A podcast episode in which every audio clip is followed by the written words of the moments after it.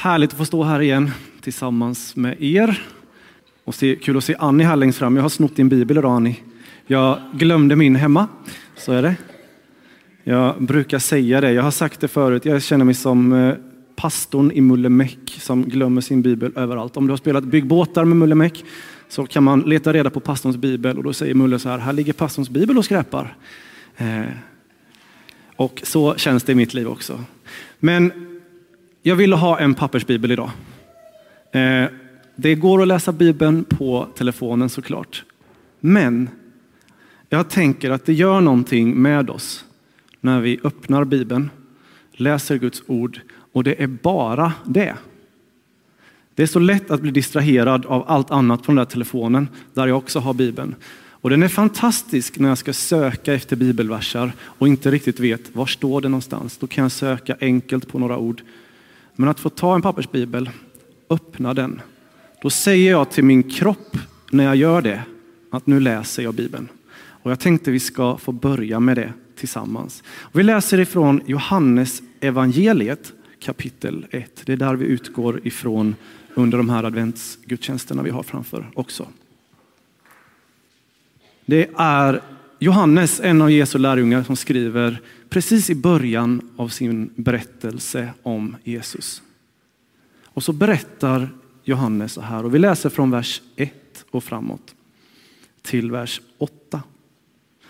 I begynnelsen var ordet och ordet var hos Gud och ordet var Gud. Han var i begynnelsen hos Gud. Och allt blev till genom honom. Och utan honom blev ingenting till av allt som är till. I honom var liv och livet var människornas ljus. Och ljuset lyser i mörkret och mörkret har inte övervunnit det. Det kom en man, sänd av Gud. Hans namn var Johannes. Han kom som ett vittne för att vittna om ljuset. För att alla skulle komma till tro genom honom. Själv var han inte ljuset, men han kom för att vittna om ljuset. Och där stannar jag. För det är det här jag ska få tala om idag. Förra veckan så talade Birgitta om den första delen. Hur ljuset lyser i mörkret och mörkret inte har övervunnit det. Och hur du, när du hänger ihop med Jesus, också kan få lysa hans ljus till världen. Jag vet inte ifall du var här eller om du såg det, så hade hon en illustration med en lampa och en glasmänniska som hon satte på lampan. Och när glasmänniskan stod på lampan så lyste den. Och när den inte gjorde det så lyste den inte. Men när den kom tillbaka till Jesus som är världens ljus så lyser den. Och tack Jan också för sången. Tack för eh, din berättelse.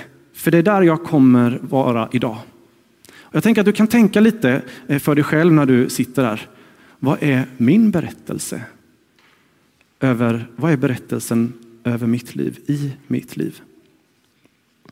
Vi ska fokusera på Johannes idag eh, och hans berättelse. Det står ju så i vers 6 här att det kom en man sänd av Gud och hans namn var Johannes. Och han kom för att vittna om ljuset för att alla skulle komma till tro genom honom. Har du koll på Johannes? Hans liv, hans berättelse. Jag tänkte att vi skulle få lite koll på honom, om du har glömt. Och då får du gärna följa med mig till Lukas evangeliets första kapitel. Vem var Johannes egentligen? Ofta så tänker man på en man som är ute i öknen, helt ensam, klädd i kamelskinn och äter honung och gräshoppor. Det står så om honom. Men det finns mycket, mycket att berätta om Johannes. Och Lukas, han gör det. Han lägger ganska mycket tid på att berätta om Johannes. I vers 5 i Lukas första kapitel så kan vi läsa så här. På den tiden då Herodes var kung i Judeen fanns i Abias prästavdelning en präst som hette Sakarias.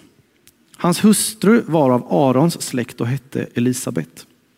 Båda var rättfärdiga inför Gud och levde fläckfritt efter Herrens alla bud och föreskrifter. Men de hade inga barn eftersom Elisabet var ofruktsam och båda var till åren. Kan pausa där en liten stund. Känner igen den här berättelsen? Har den berättats förut i Bibeln någon gång?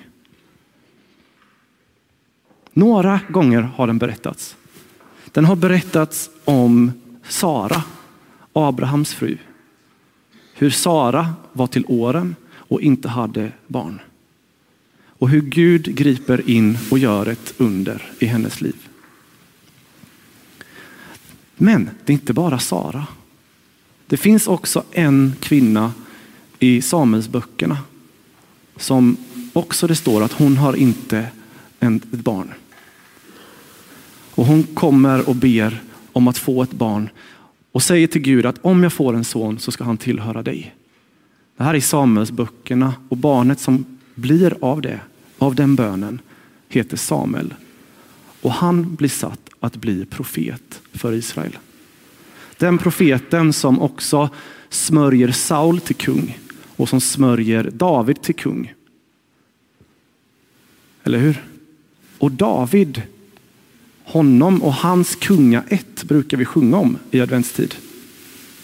Davids hus Betlehem. Där Jesus föddes. Jesus, kungen som är av Davids ett och stam.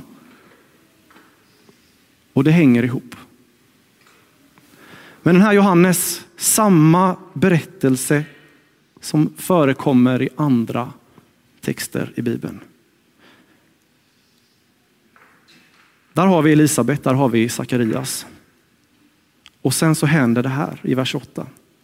En gång när turen kom till Sakarias avdelning och han var i tjänst som präst inför Gud fick han vid prästernas sedvanliga lottning uppdraget att gå in i Herrens tempel och tända rökelseoffret. Vid tiden för rökelseoffret stod allt folket utanför och bad. Då visade sig Herrens ängel för honom stående till höger om rökelsealtaret. Sakarias blev förskräckt vid synen och greps av fruktan. Men ängeln sa till honom, var inte rädd Sakarias, din bön har blivit hörd. Din hustru Elisabet ska föda en son åt dig och du ska ge honom namnet Johannes. Han ska bli din glädje och fröjd och många ska glädja sig över hans födelse. För han ska bli stor inför Herren. Vin och starka drycker ska han inte dricka och han ska bli uppfylld av den heliga ande redan i moderlivet. Många av Israels barn ska han omvända till Herren deras Gud. Han ska gå före honom i Elias ande och kraft för att vända fädernas hjärtan till barnen och ge dem trotsiga ett rättfärdigt sinne och skaffa åt Herren ett folk som är berett. Vi stannar där. Sakarias han ifrågasätter det han får höra och så eh, säger ängeln, eftersom du inte tror ska du få ett tecken. Du ska bli stum och Sakarias kan inte tala när han går ut till folket. Det här är någonting som märks överallt runt Sakarias. Någonting har Gud gjort och folket säger Gud måste ha talat. För Sakarias är stum. Och sen händer det att Elisabet blir gravid. Och det står att hon drar sig undan i fem månader. Och så säger hon så här. Detta har Herren gjort med mig. I dessa dagar såg han till mig och tog bort min skam bland människor. Elisabet hade gått och burit på en enormt tung börda i livet. Att inte kunna få ett barn. Och sen säger hon det här. Han tog bort min skam bland människor. Det här var någonting som absolut kunde upplevas som en skam i det här samhället. Målet kanske för en kvinna har varit så i många tider Många är de kvinnor som har blivit frånskilda på grund av att de har varit ofruktsamma genom åren. Har du varit drottning och inte kunnat få en tronarvinge, du har varit värdelös. Kanske kände sig Elisabet på det sättet. Men så fick hon sonen, en löftesson. och hans namn blev Johannes. Och då frågar han, är det någon som heter Johannes här inne? ingen. Vet ni vad Johannes betyder? Det betyder Gud har förbarmat sig. Så Gud, han har gripit in och sett till mitt behov och gett mig det jag behöver. Så, hur vittnar Johannes om Gud? 1. Bara det att Johannes finns vittnar om Guds storhet. Han behöver inte göra någonting egentligen, därför att folket såg allting som hände. De såg hur Sakarias blev stum. De såg hur han sen fick talet tillbaka när Johannes föddes. De såg Elisabets glädje över att ha fått en son. Och de kunde kalla den här pojken Johannes, som betyder Gud har förbarmat sig. Bara över Johannes liv finns Guds berättelse om nåd. Precis där, närvarande hela tiden. Men vad händer sen i Johannes liv? Ja, han växer upp och han drar sig undan stora delen av sitt liv. Han bor inte bland folk. Eller gör han det? En del tror att han drog sig ut till en, eh, en, kan man säga, en religiös gruppering ute i öknen. Eh, om de hette Esséerna kanske, om det ringer en klocka. Jag skrev inte ner det, men jag tror det var så. Eh, man tror att Johannes fanns bland den här gruppen som också har skrivit Döda havsrullarna som man hittade ett fynd i Israel. Kanske så levde han där bland människor i ödemarken och förberedde sig på det som sen blev hans liv. För när tiden var rätt så trädde Johannes fram och han började prata om någonting, berätta om någonting. Han började döpa människor vid Jordan och berätta om att det är dags att omvända sig. Det står ju i texten här att ängeln sa han ska gå före honom, alltså Messias som ska komma, i Elias ande och kraft för att vända fädernas hjärtan till barnen och ge dem trotsiga ett rättfärdigt sinne, skaffa, rätt åt Herren, Eh, skaffa åt Herren ett folk som är berett.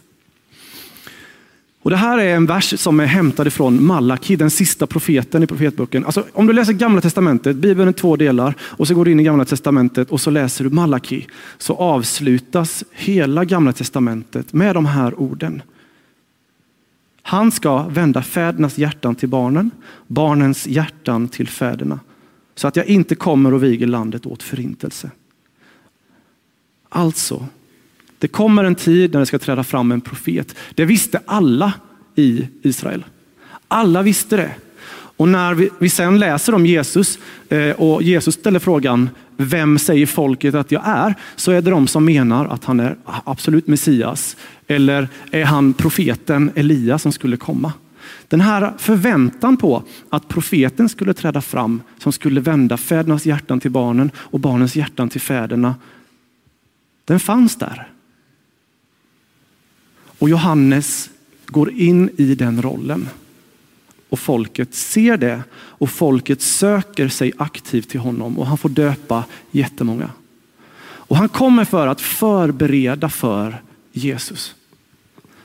Att bana vägen för Herren. Vi sjunger det första advent. Bered en väg för Herren. Berg sjunken, djup stån upp. Gör vägen rak för Messias. Låt honom få komma in i ditt liv. Och här går Johannes och så predikar han till folket. Omvändelse från synder. Rening i dopet. Att få börja ett nytt liv. Att leva enligt Guds vilja. Och Det är inte ett jätteavancerat budskap Johannes säger. Och Senare kommer Jesus upprepa några av de punkterna Johannes också talade om. Men han säger så här, att har du två stycken skjortor så ge en till den som inte har någon. Och sen säger han till tullindrivarna, när de kommer och frågar vad ska vi göra för att omvända oss? Då säger han, ta inte ut mer i tull än vad ni ska. Och sen så kommer soldaterna och frågar, vad ska vi göra för att omvända oss? Använd inte eran makt för att pressa folk på pengar. Var nöjda med eran lön. Egentligen är det två budskap som Johannes predikar när det gäller omvändelse. Dela med dig. Ett. Och två. Använd inte din position för att skaffa dig egna fördelar på andras bekostnad. Sen finns det en sak till i Johannes liv, i hans berättelse, hans vittnesbörd som griper tag i mitt liv. När Jesus sen träder fram, eh, när Jesus har pratat med Nikodemus, när han har sagt de här orden att så älskade Gud världen att han gav dem sin enda son för att de som tror på honom inte ska gå under utan ha evigt liv. Så kommer ett passage i Johannes evangeliet som handlar om Jesus och Johannes döparen och det är kapitel 3 och vers 22. Så du får gärna hänga med där, några versar. Så Johannes evangeliets tredje kapitel, vers 22 framåt. Står det så här. Sedan gick Jesus med sina lärjungar till Judeen. Han var med dem där en tid och döpte. Alltså Jesus gjorde precis som Johannes, han döpte. Även Johannes döpte eh, i Ainon nära Salim. Och där fanns gott om vatten och folk kom dit och blev döpta. Johannes hade ännu inte blivit satt i fängelse och då uppstod en diskussion om reningen, alltså det här dopet, mellan några av Johannes lärjungar och en jude. De gick till Johannes och sa, Rabbi, han som var med dig på andra sidan Jordan och som du vittnade om, nu döper han och alla går till honom. Hör ni? Nu är det tävling om vem som ska få prata eh, eller ha liksom positionen här bland folket. Alltså, du döpte innan, nu döper han och alla går till honom istället för dig. Och vad svarar Johannes på det? Han säger så här, en människa kan inte ta sig något utan att det ges henne från himmelen. Ni kan själva vittna om att jag sa, jag är inte Messias. Jag är sänd framför honom. Brudgum är den som har bruden. Men brudgummens vän står där och lyssnar till honom och han gläder sig över brudgummens röst. Den glädjen är nu min helt och fullt. Han måste bli större och jag mindre. Ser ni vilken bild han använder? Johannes säger, det är inte jag som ska gifta mig. Det är inte jag som har bruden. Det är inte jag som ska ha folket. Bruden i Bibeln det är Guds församling, de som följer Jesus. Det är inte jag som ska ha dem. Men som brudgummens vän så gläder jag mig. Jag har varit värd på många bröllop genom åren. Och det är en fantastisk glädje att få se människor gifta sig. Fantastiskt. Och Johannes säger att den glädjen, den är min helt och fullt. Att få se det som Gud har förberett. Nu kommer Messias. Jesus själv stiger in och hans svar på det, det är han måste bli större och jag mindre. Det här är en bön i mitt liv och det griper tag i mig. För att jag undrar ibland, och nu ska vi snart gå över till din berättelse och min berättelse. För det här är Johannes berättelse som jag har gått igenom nu. Men jag funderade i mitt liv, lever jag de här orden? Att Jesus måste få bli större och jag måste få bli mindre.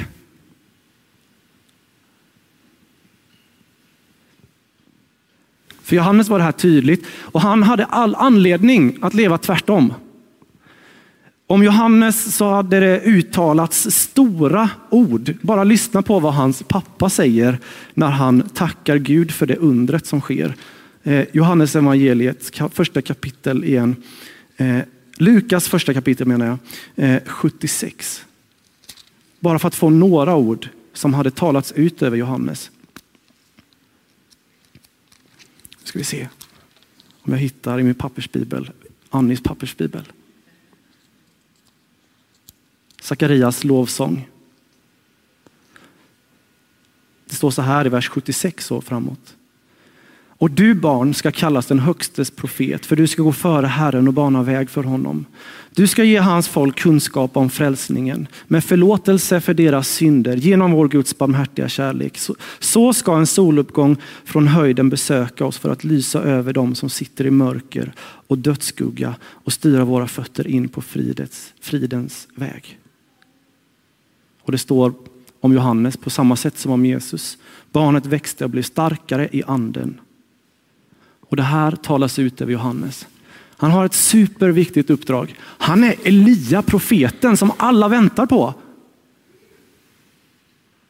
Den här profeten som, som har ett sånt viktigt uppdrag att få vända barnens hjärta till fäderna och fädernas hjärta till barnen. Att bygga ihop relationskonflikterna. Ena Guds folk, förbereda människor att ta emot Jesus, det under som väntar. Han hade all anledning att säga, jag vill gärna vara, vara stor och Jesus behöver inte vara lika stor. Men han gjorde inte det. Och så tänker jag, hur lever jag mitt liv? När jag bygger mitt liv, när jag genom mitt liv berättar en berättelse. För det gör vi. Det sättet som vi lever på, det säger någonting om vilken berättelse vi lever i. Låt ditt liv få vittna om någonting som är större än dig själv. Det är min uppmuntran idag. Min utmaning idag. Johannes, han vill visa för oss ett exempel. Hur vår inställning kan vara till det som snart kommer i julens budskap. Evangeliet om att Gud kliver ner, blir människa för vår skull. Men det är lätt att inte leva som Johannes. Det är svårt att leva som Johannes. Vi lever nämligen i ett samhälle som är så totalt tvärtom det liv som Johannes levde. Vad var det han sa? Var generös och använd inte din maktposition på bekostnad för andra. Eller på bekostnad av andra. Hur lätt är det att vara generös i ett samhälle som hela tiden bara säger jag vill ha mer i plånboken. När en hel valrörelse kan handla om att 100 kronor extra så röstar du väl på oss. När vi säger vi stänger våra gränser för främlingen, för flyktingen. När vi säger att det är faktiskt fuskigt att elen kompenseras i södra Sverige men inte i norra Sverige. För att ta ett dagsaktuellt exempel. Ja, det är fruktansvärt fuskigt kan jag också tycka. Men hur viktigt är det i ditt liv? I ett samhälle som hela tiden säger mer åt mig, mer åt mig, så är det väldigt frestande att se till sitt eget hus och att inte vara generös och inte dela med dig. Jag kan lugnt säga att jag har mer än två skjortor hemma och jag kan ge en till en som ingen har. Den andra punkten då? Jag pratade en gång med en kvinna som jobbade inom offentlig eh, vad heter det, förvaltning eller inom vård eller vad det var. Eh, det var ett kommunjobb i alla fall. Och hon kom till mig och frågade, hur ska jag leva som kristen? Därför att det belönas inte att vara god mot andra på arbetsplatsen. Det gör inte det. Om jag vill få ett bättre jobb, om jag vill få en bättre lön, då får jag belöning om jag är hård. Och om jag skor mig på andras bekostnad. Att säga det som man tror är rätt och det som man står för när man gör sin karriär i yrkeslivet. Det är inte lätt. Det är inte lätt. Men frågan är, vilken berättelse vill du leva? Vilken berättelse vill du visa på med ditt sätt att vara? När du bygger ditt liv, på din arbetsplats, bland de människor du är? Bygger du dig själv och berättelsen över din egen framgång? Eller bygger du berättelsen om Jesus Kristus? Även när det kostar på. Även när du kanske inte blir befordrad. Jag vet inte. Sen vill jag bara avsluta med några ord. Jag tror inte att du ska sitta här nu och känna, oj vad svårt. Oj vad det här är jobbigt och nu måste jag ut och prestera ett fantastiskt Johannes-liv i allt jag gör. För det fanns någonting över Johannes liv som jag började med och som jag vill avsluta med till dig. Johannes vittnade om Jesus framför allt bara i det att han fanns till. Det fanns ett namn uttalat över honom, Johannes, Gud förbarma sig. Och det finns ett namn som är uttalat över ditt liv. Om du tror på Jesus så är hans namn uttalat över ditt liv. Och det du behöver göra då, det är att tro på honom, lita på honom, gå med honom. Om du har tagit emot Jesus så har du honom i ditt liv. Du kan lita på det. Och där du är så kommer det påverka alla dina livsval. Det kommer påverka vem du är, hur du lever ditt liv. Men ibland så behöver man också komma till kyrkan och bli påminn om det, eller hur? Jag fick säga det till dig idag kanske, den påminnelsen. Jag vill också säga en sak till dig, att du kanske känner också så här i ditt liv att du lever i ödemarken som Johannes gjorde.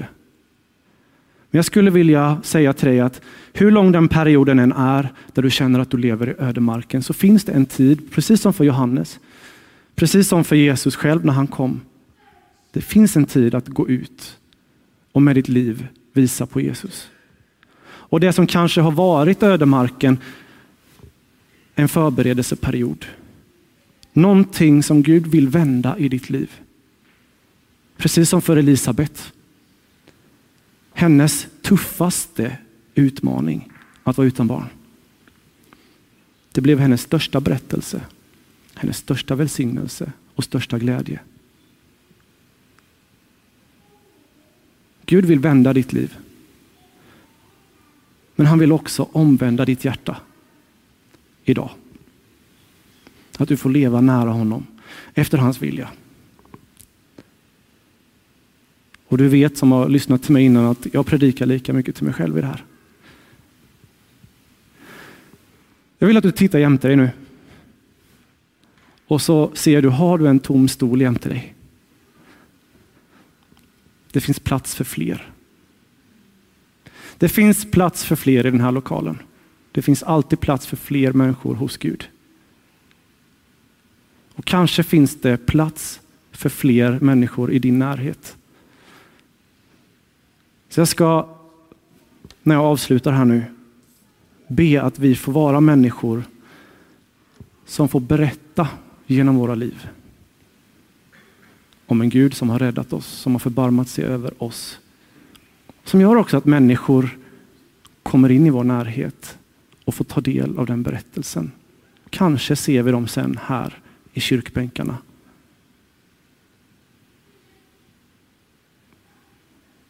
Ta med dig den tanken. Vad är din berättelse i ditt liv? Nu ber vi. Tack Gud att eh, du är med oss. Även i det som är svårt, det som är utmanande, det som just nu är väldigt jobbigt i våra liv, så är du där. Och du, har ett, du har ett uppdrag till oss. Att få berätta om dig, Gud. Jag ber dig Gud, hjälp oss. Ge oss kraft att göra det. Tack att vi inte behöver gå i egen kraft som vi fick höra, utan vi får lita på att du är med. Vi ber om din heliga ande över våra liv. Kraft för varje dag, kraft för varje utmaning vi står i. Om det så är att gå upp på morgonen. Jag ber Gud för människor i vår närhet. Jag ber Gud att det liv som vi lever ska få peka på dig. Det ska få peka mot vem du är och mot det som du har att ge. Särskilt nu när vi går in i jultid och allt drar igång och kommersen och allt snurrar. Hjälp oss att stanna upp och med våra liv peka på dig Gud. Fyll oss av din kärlek, den kärleken som gjorde att du föddes till, vårt, till vår värld. Och låt oss få ge det vidare till andra. Älska människor runt omkring oss. Hjälp oss att vara generösa Gud. Och hjälp oss att aldrig använda vår position för att slå ner på människor eller skaffa oss egna fördelar. Förlåt oss när vi har gjort det. Jesus, vi ber. Amen. Amen.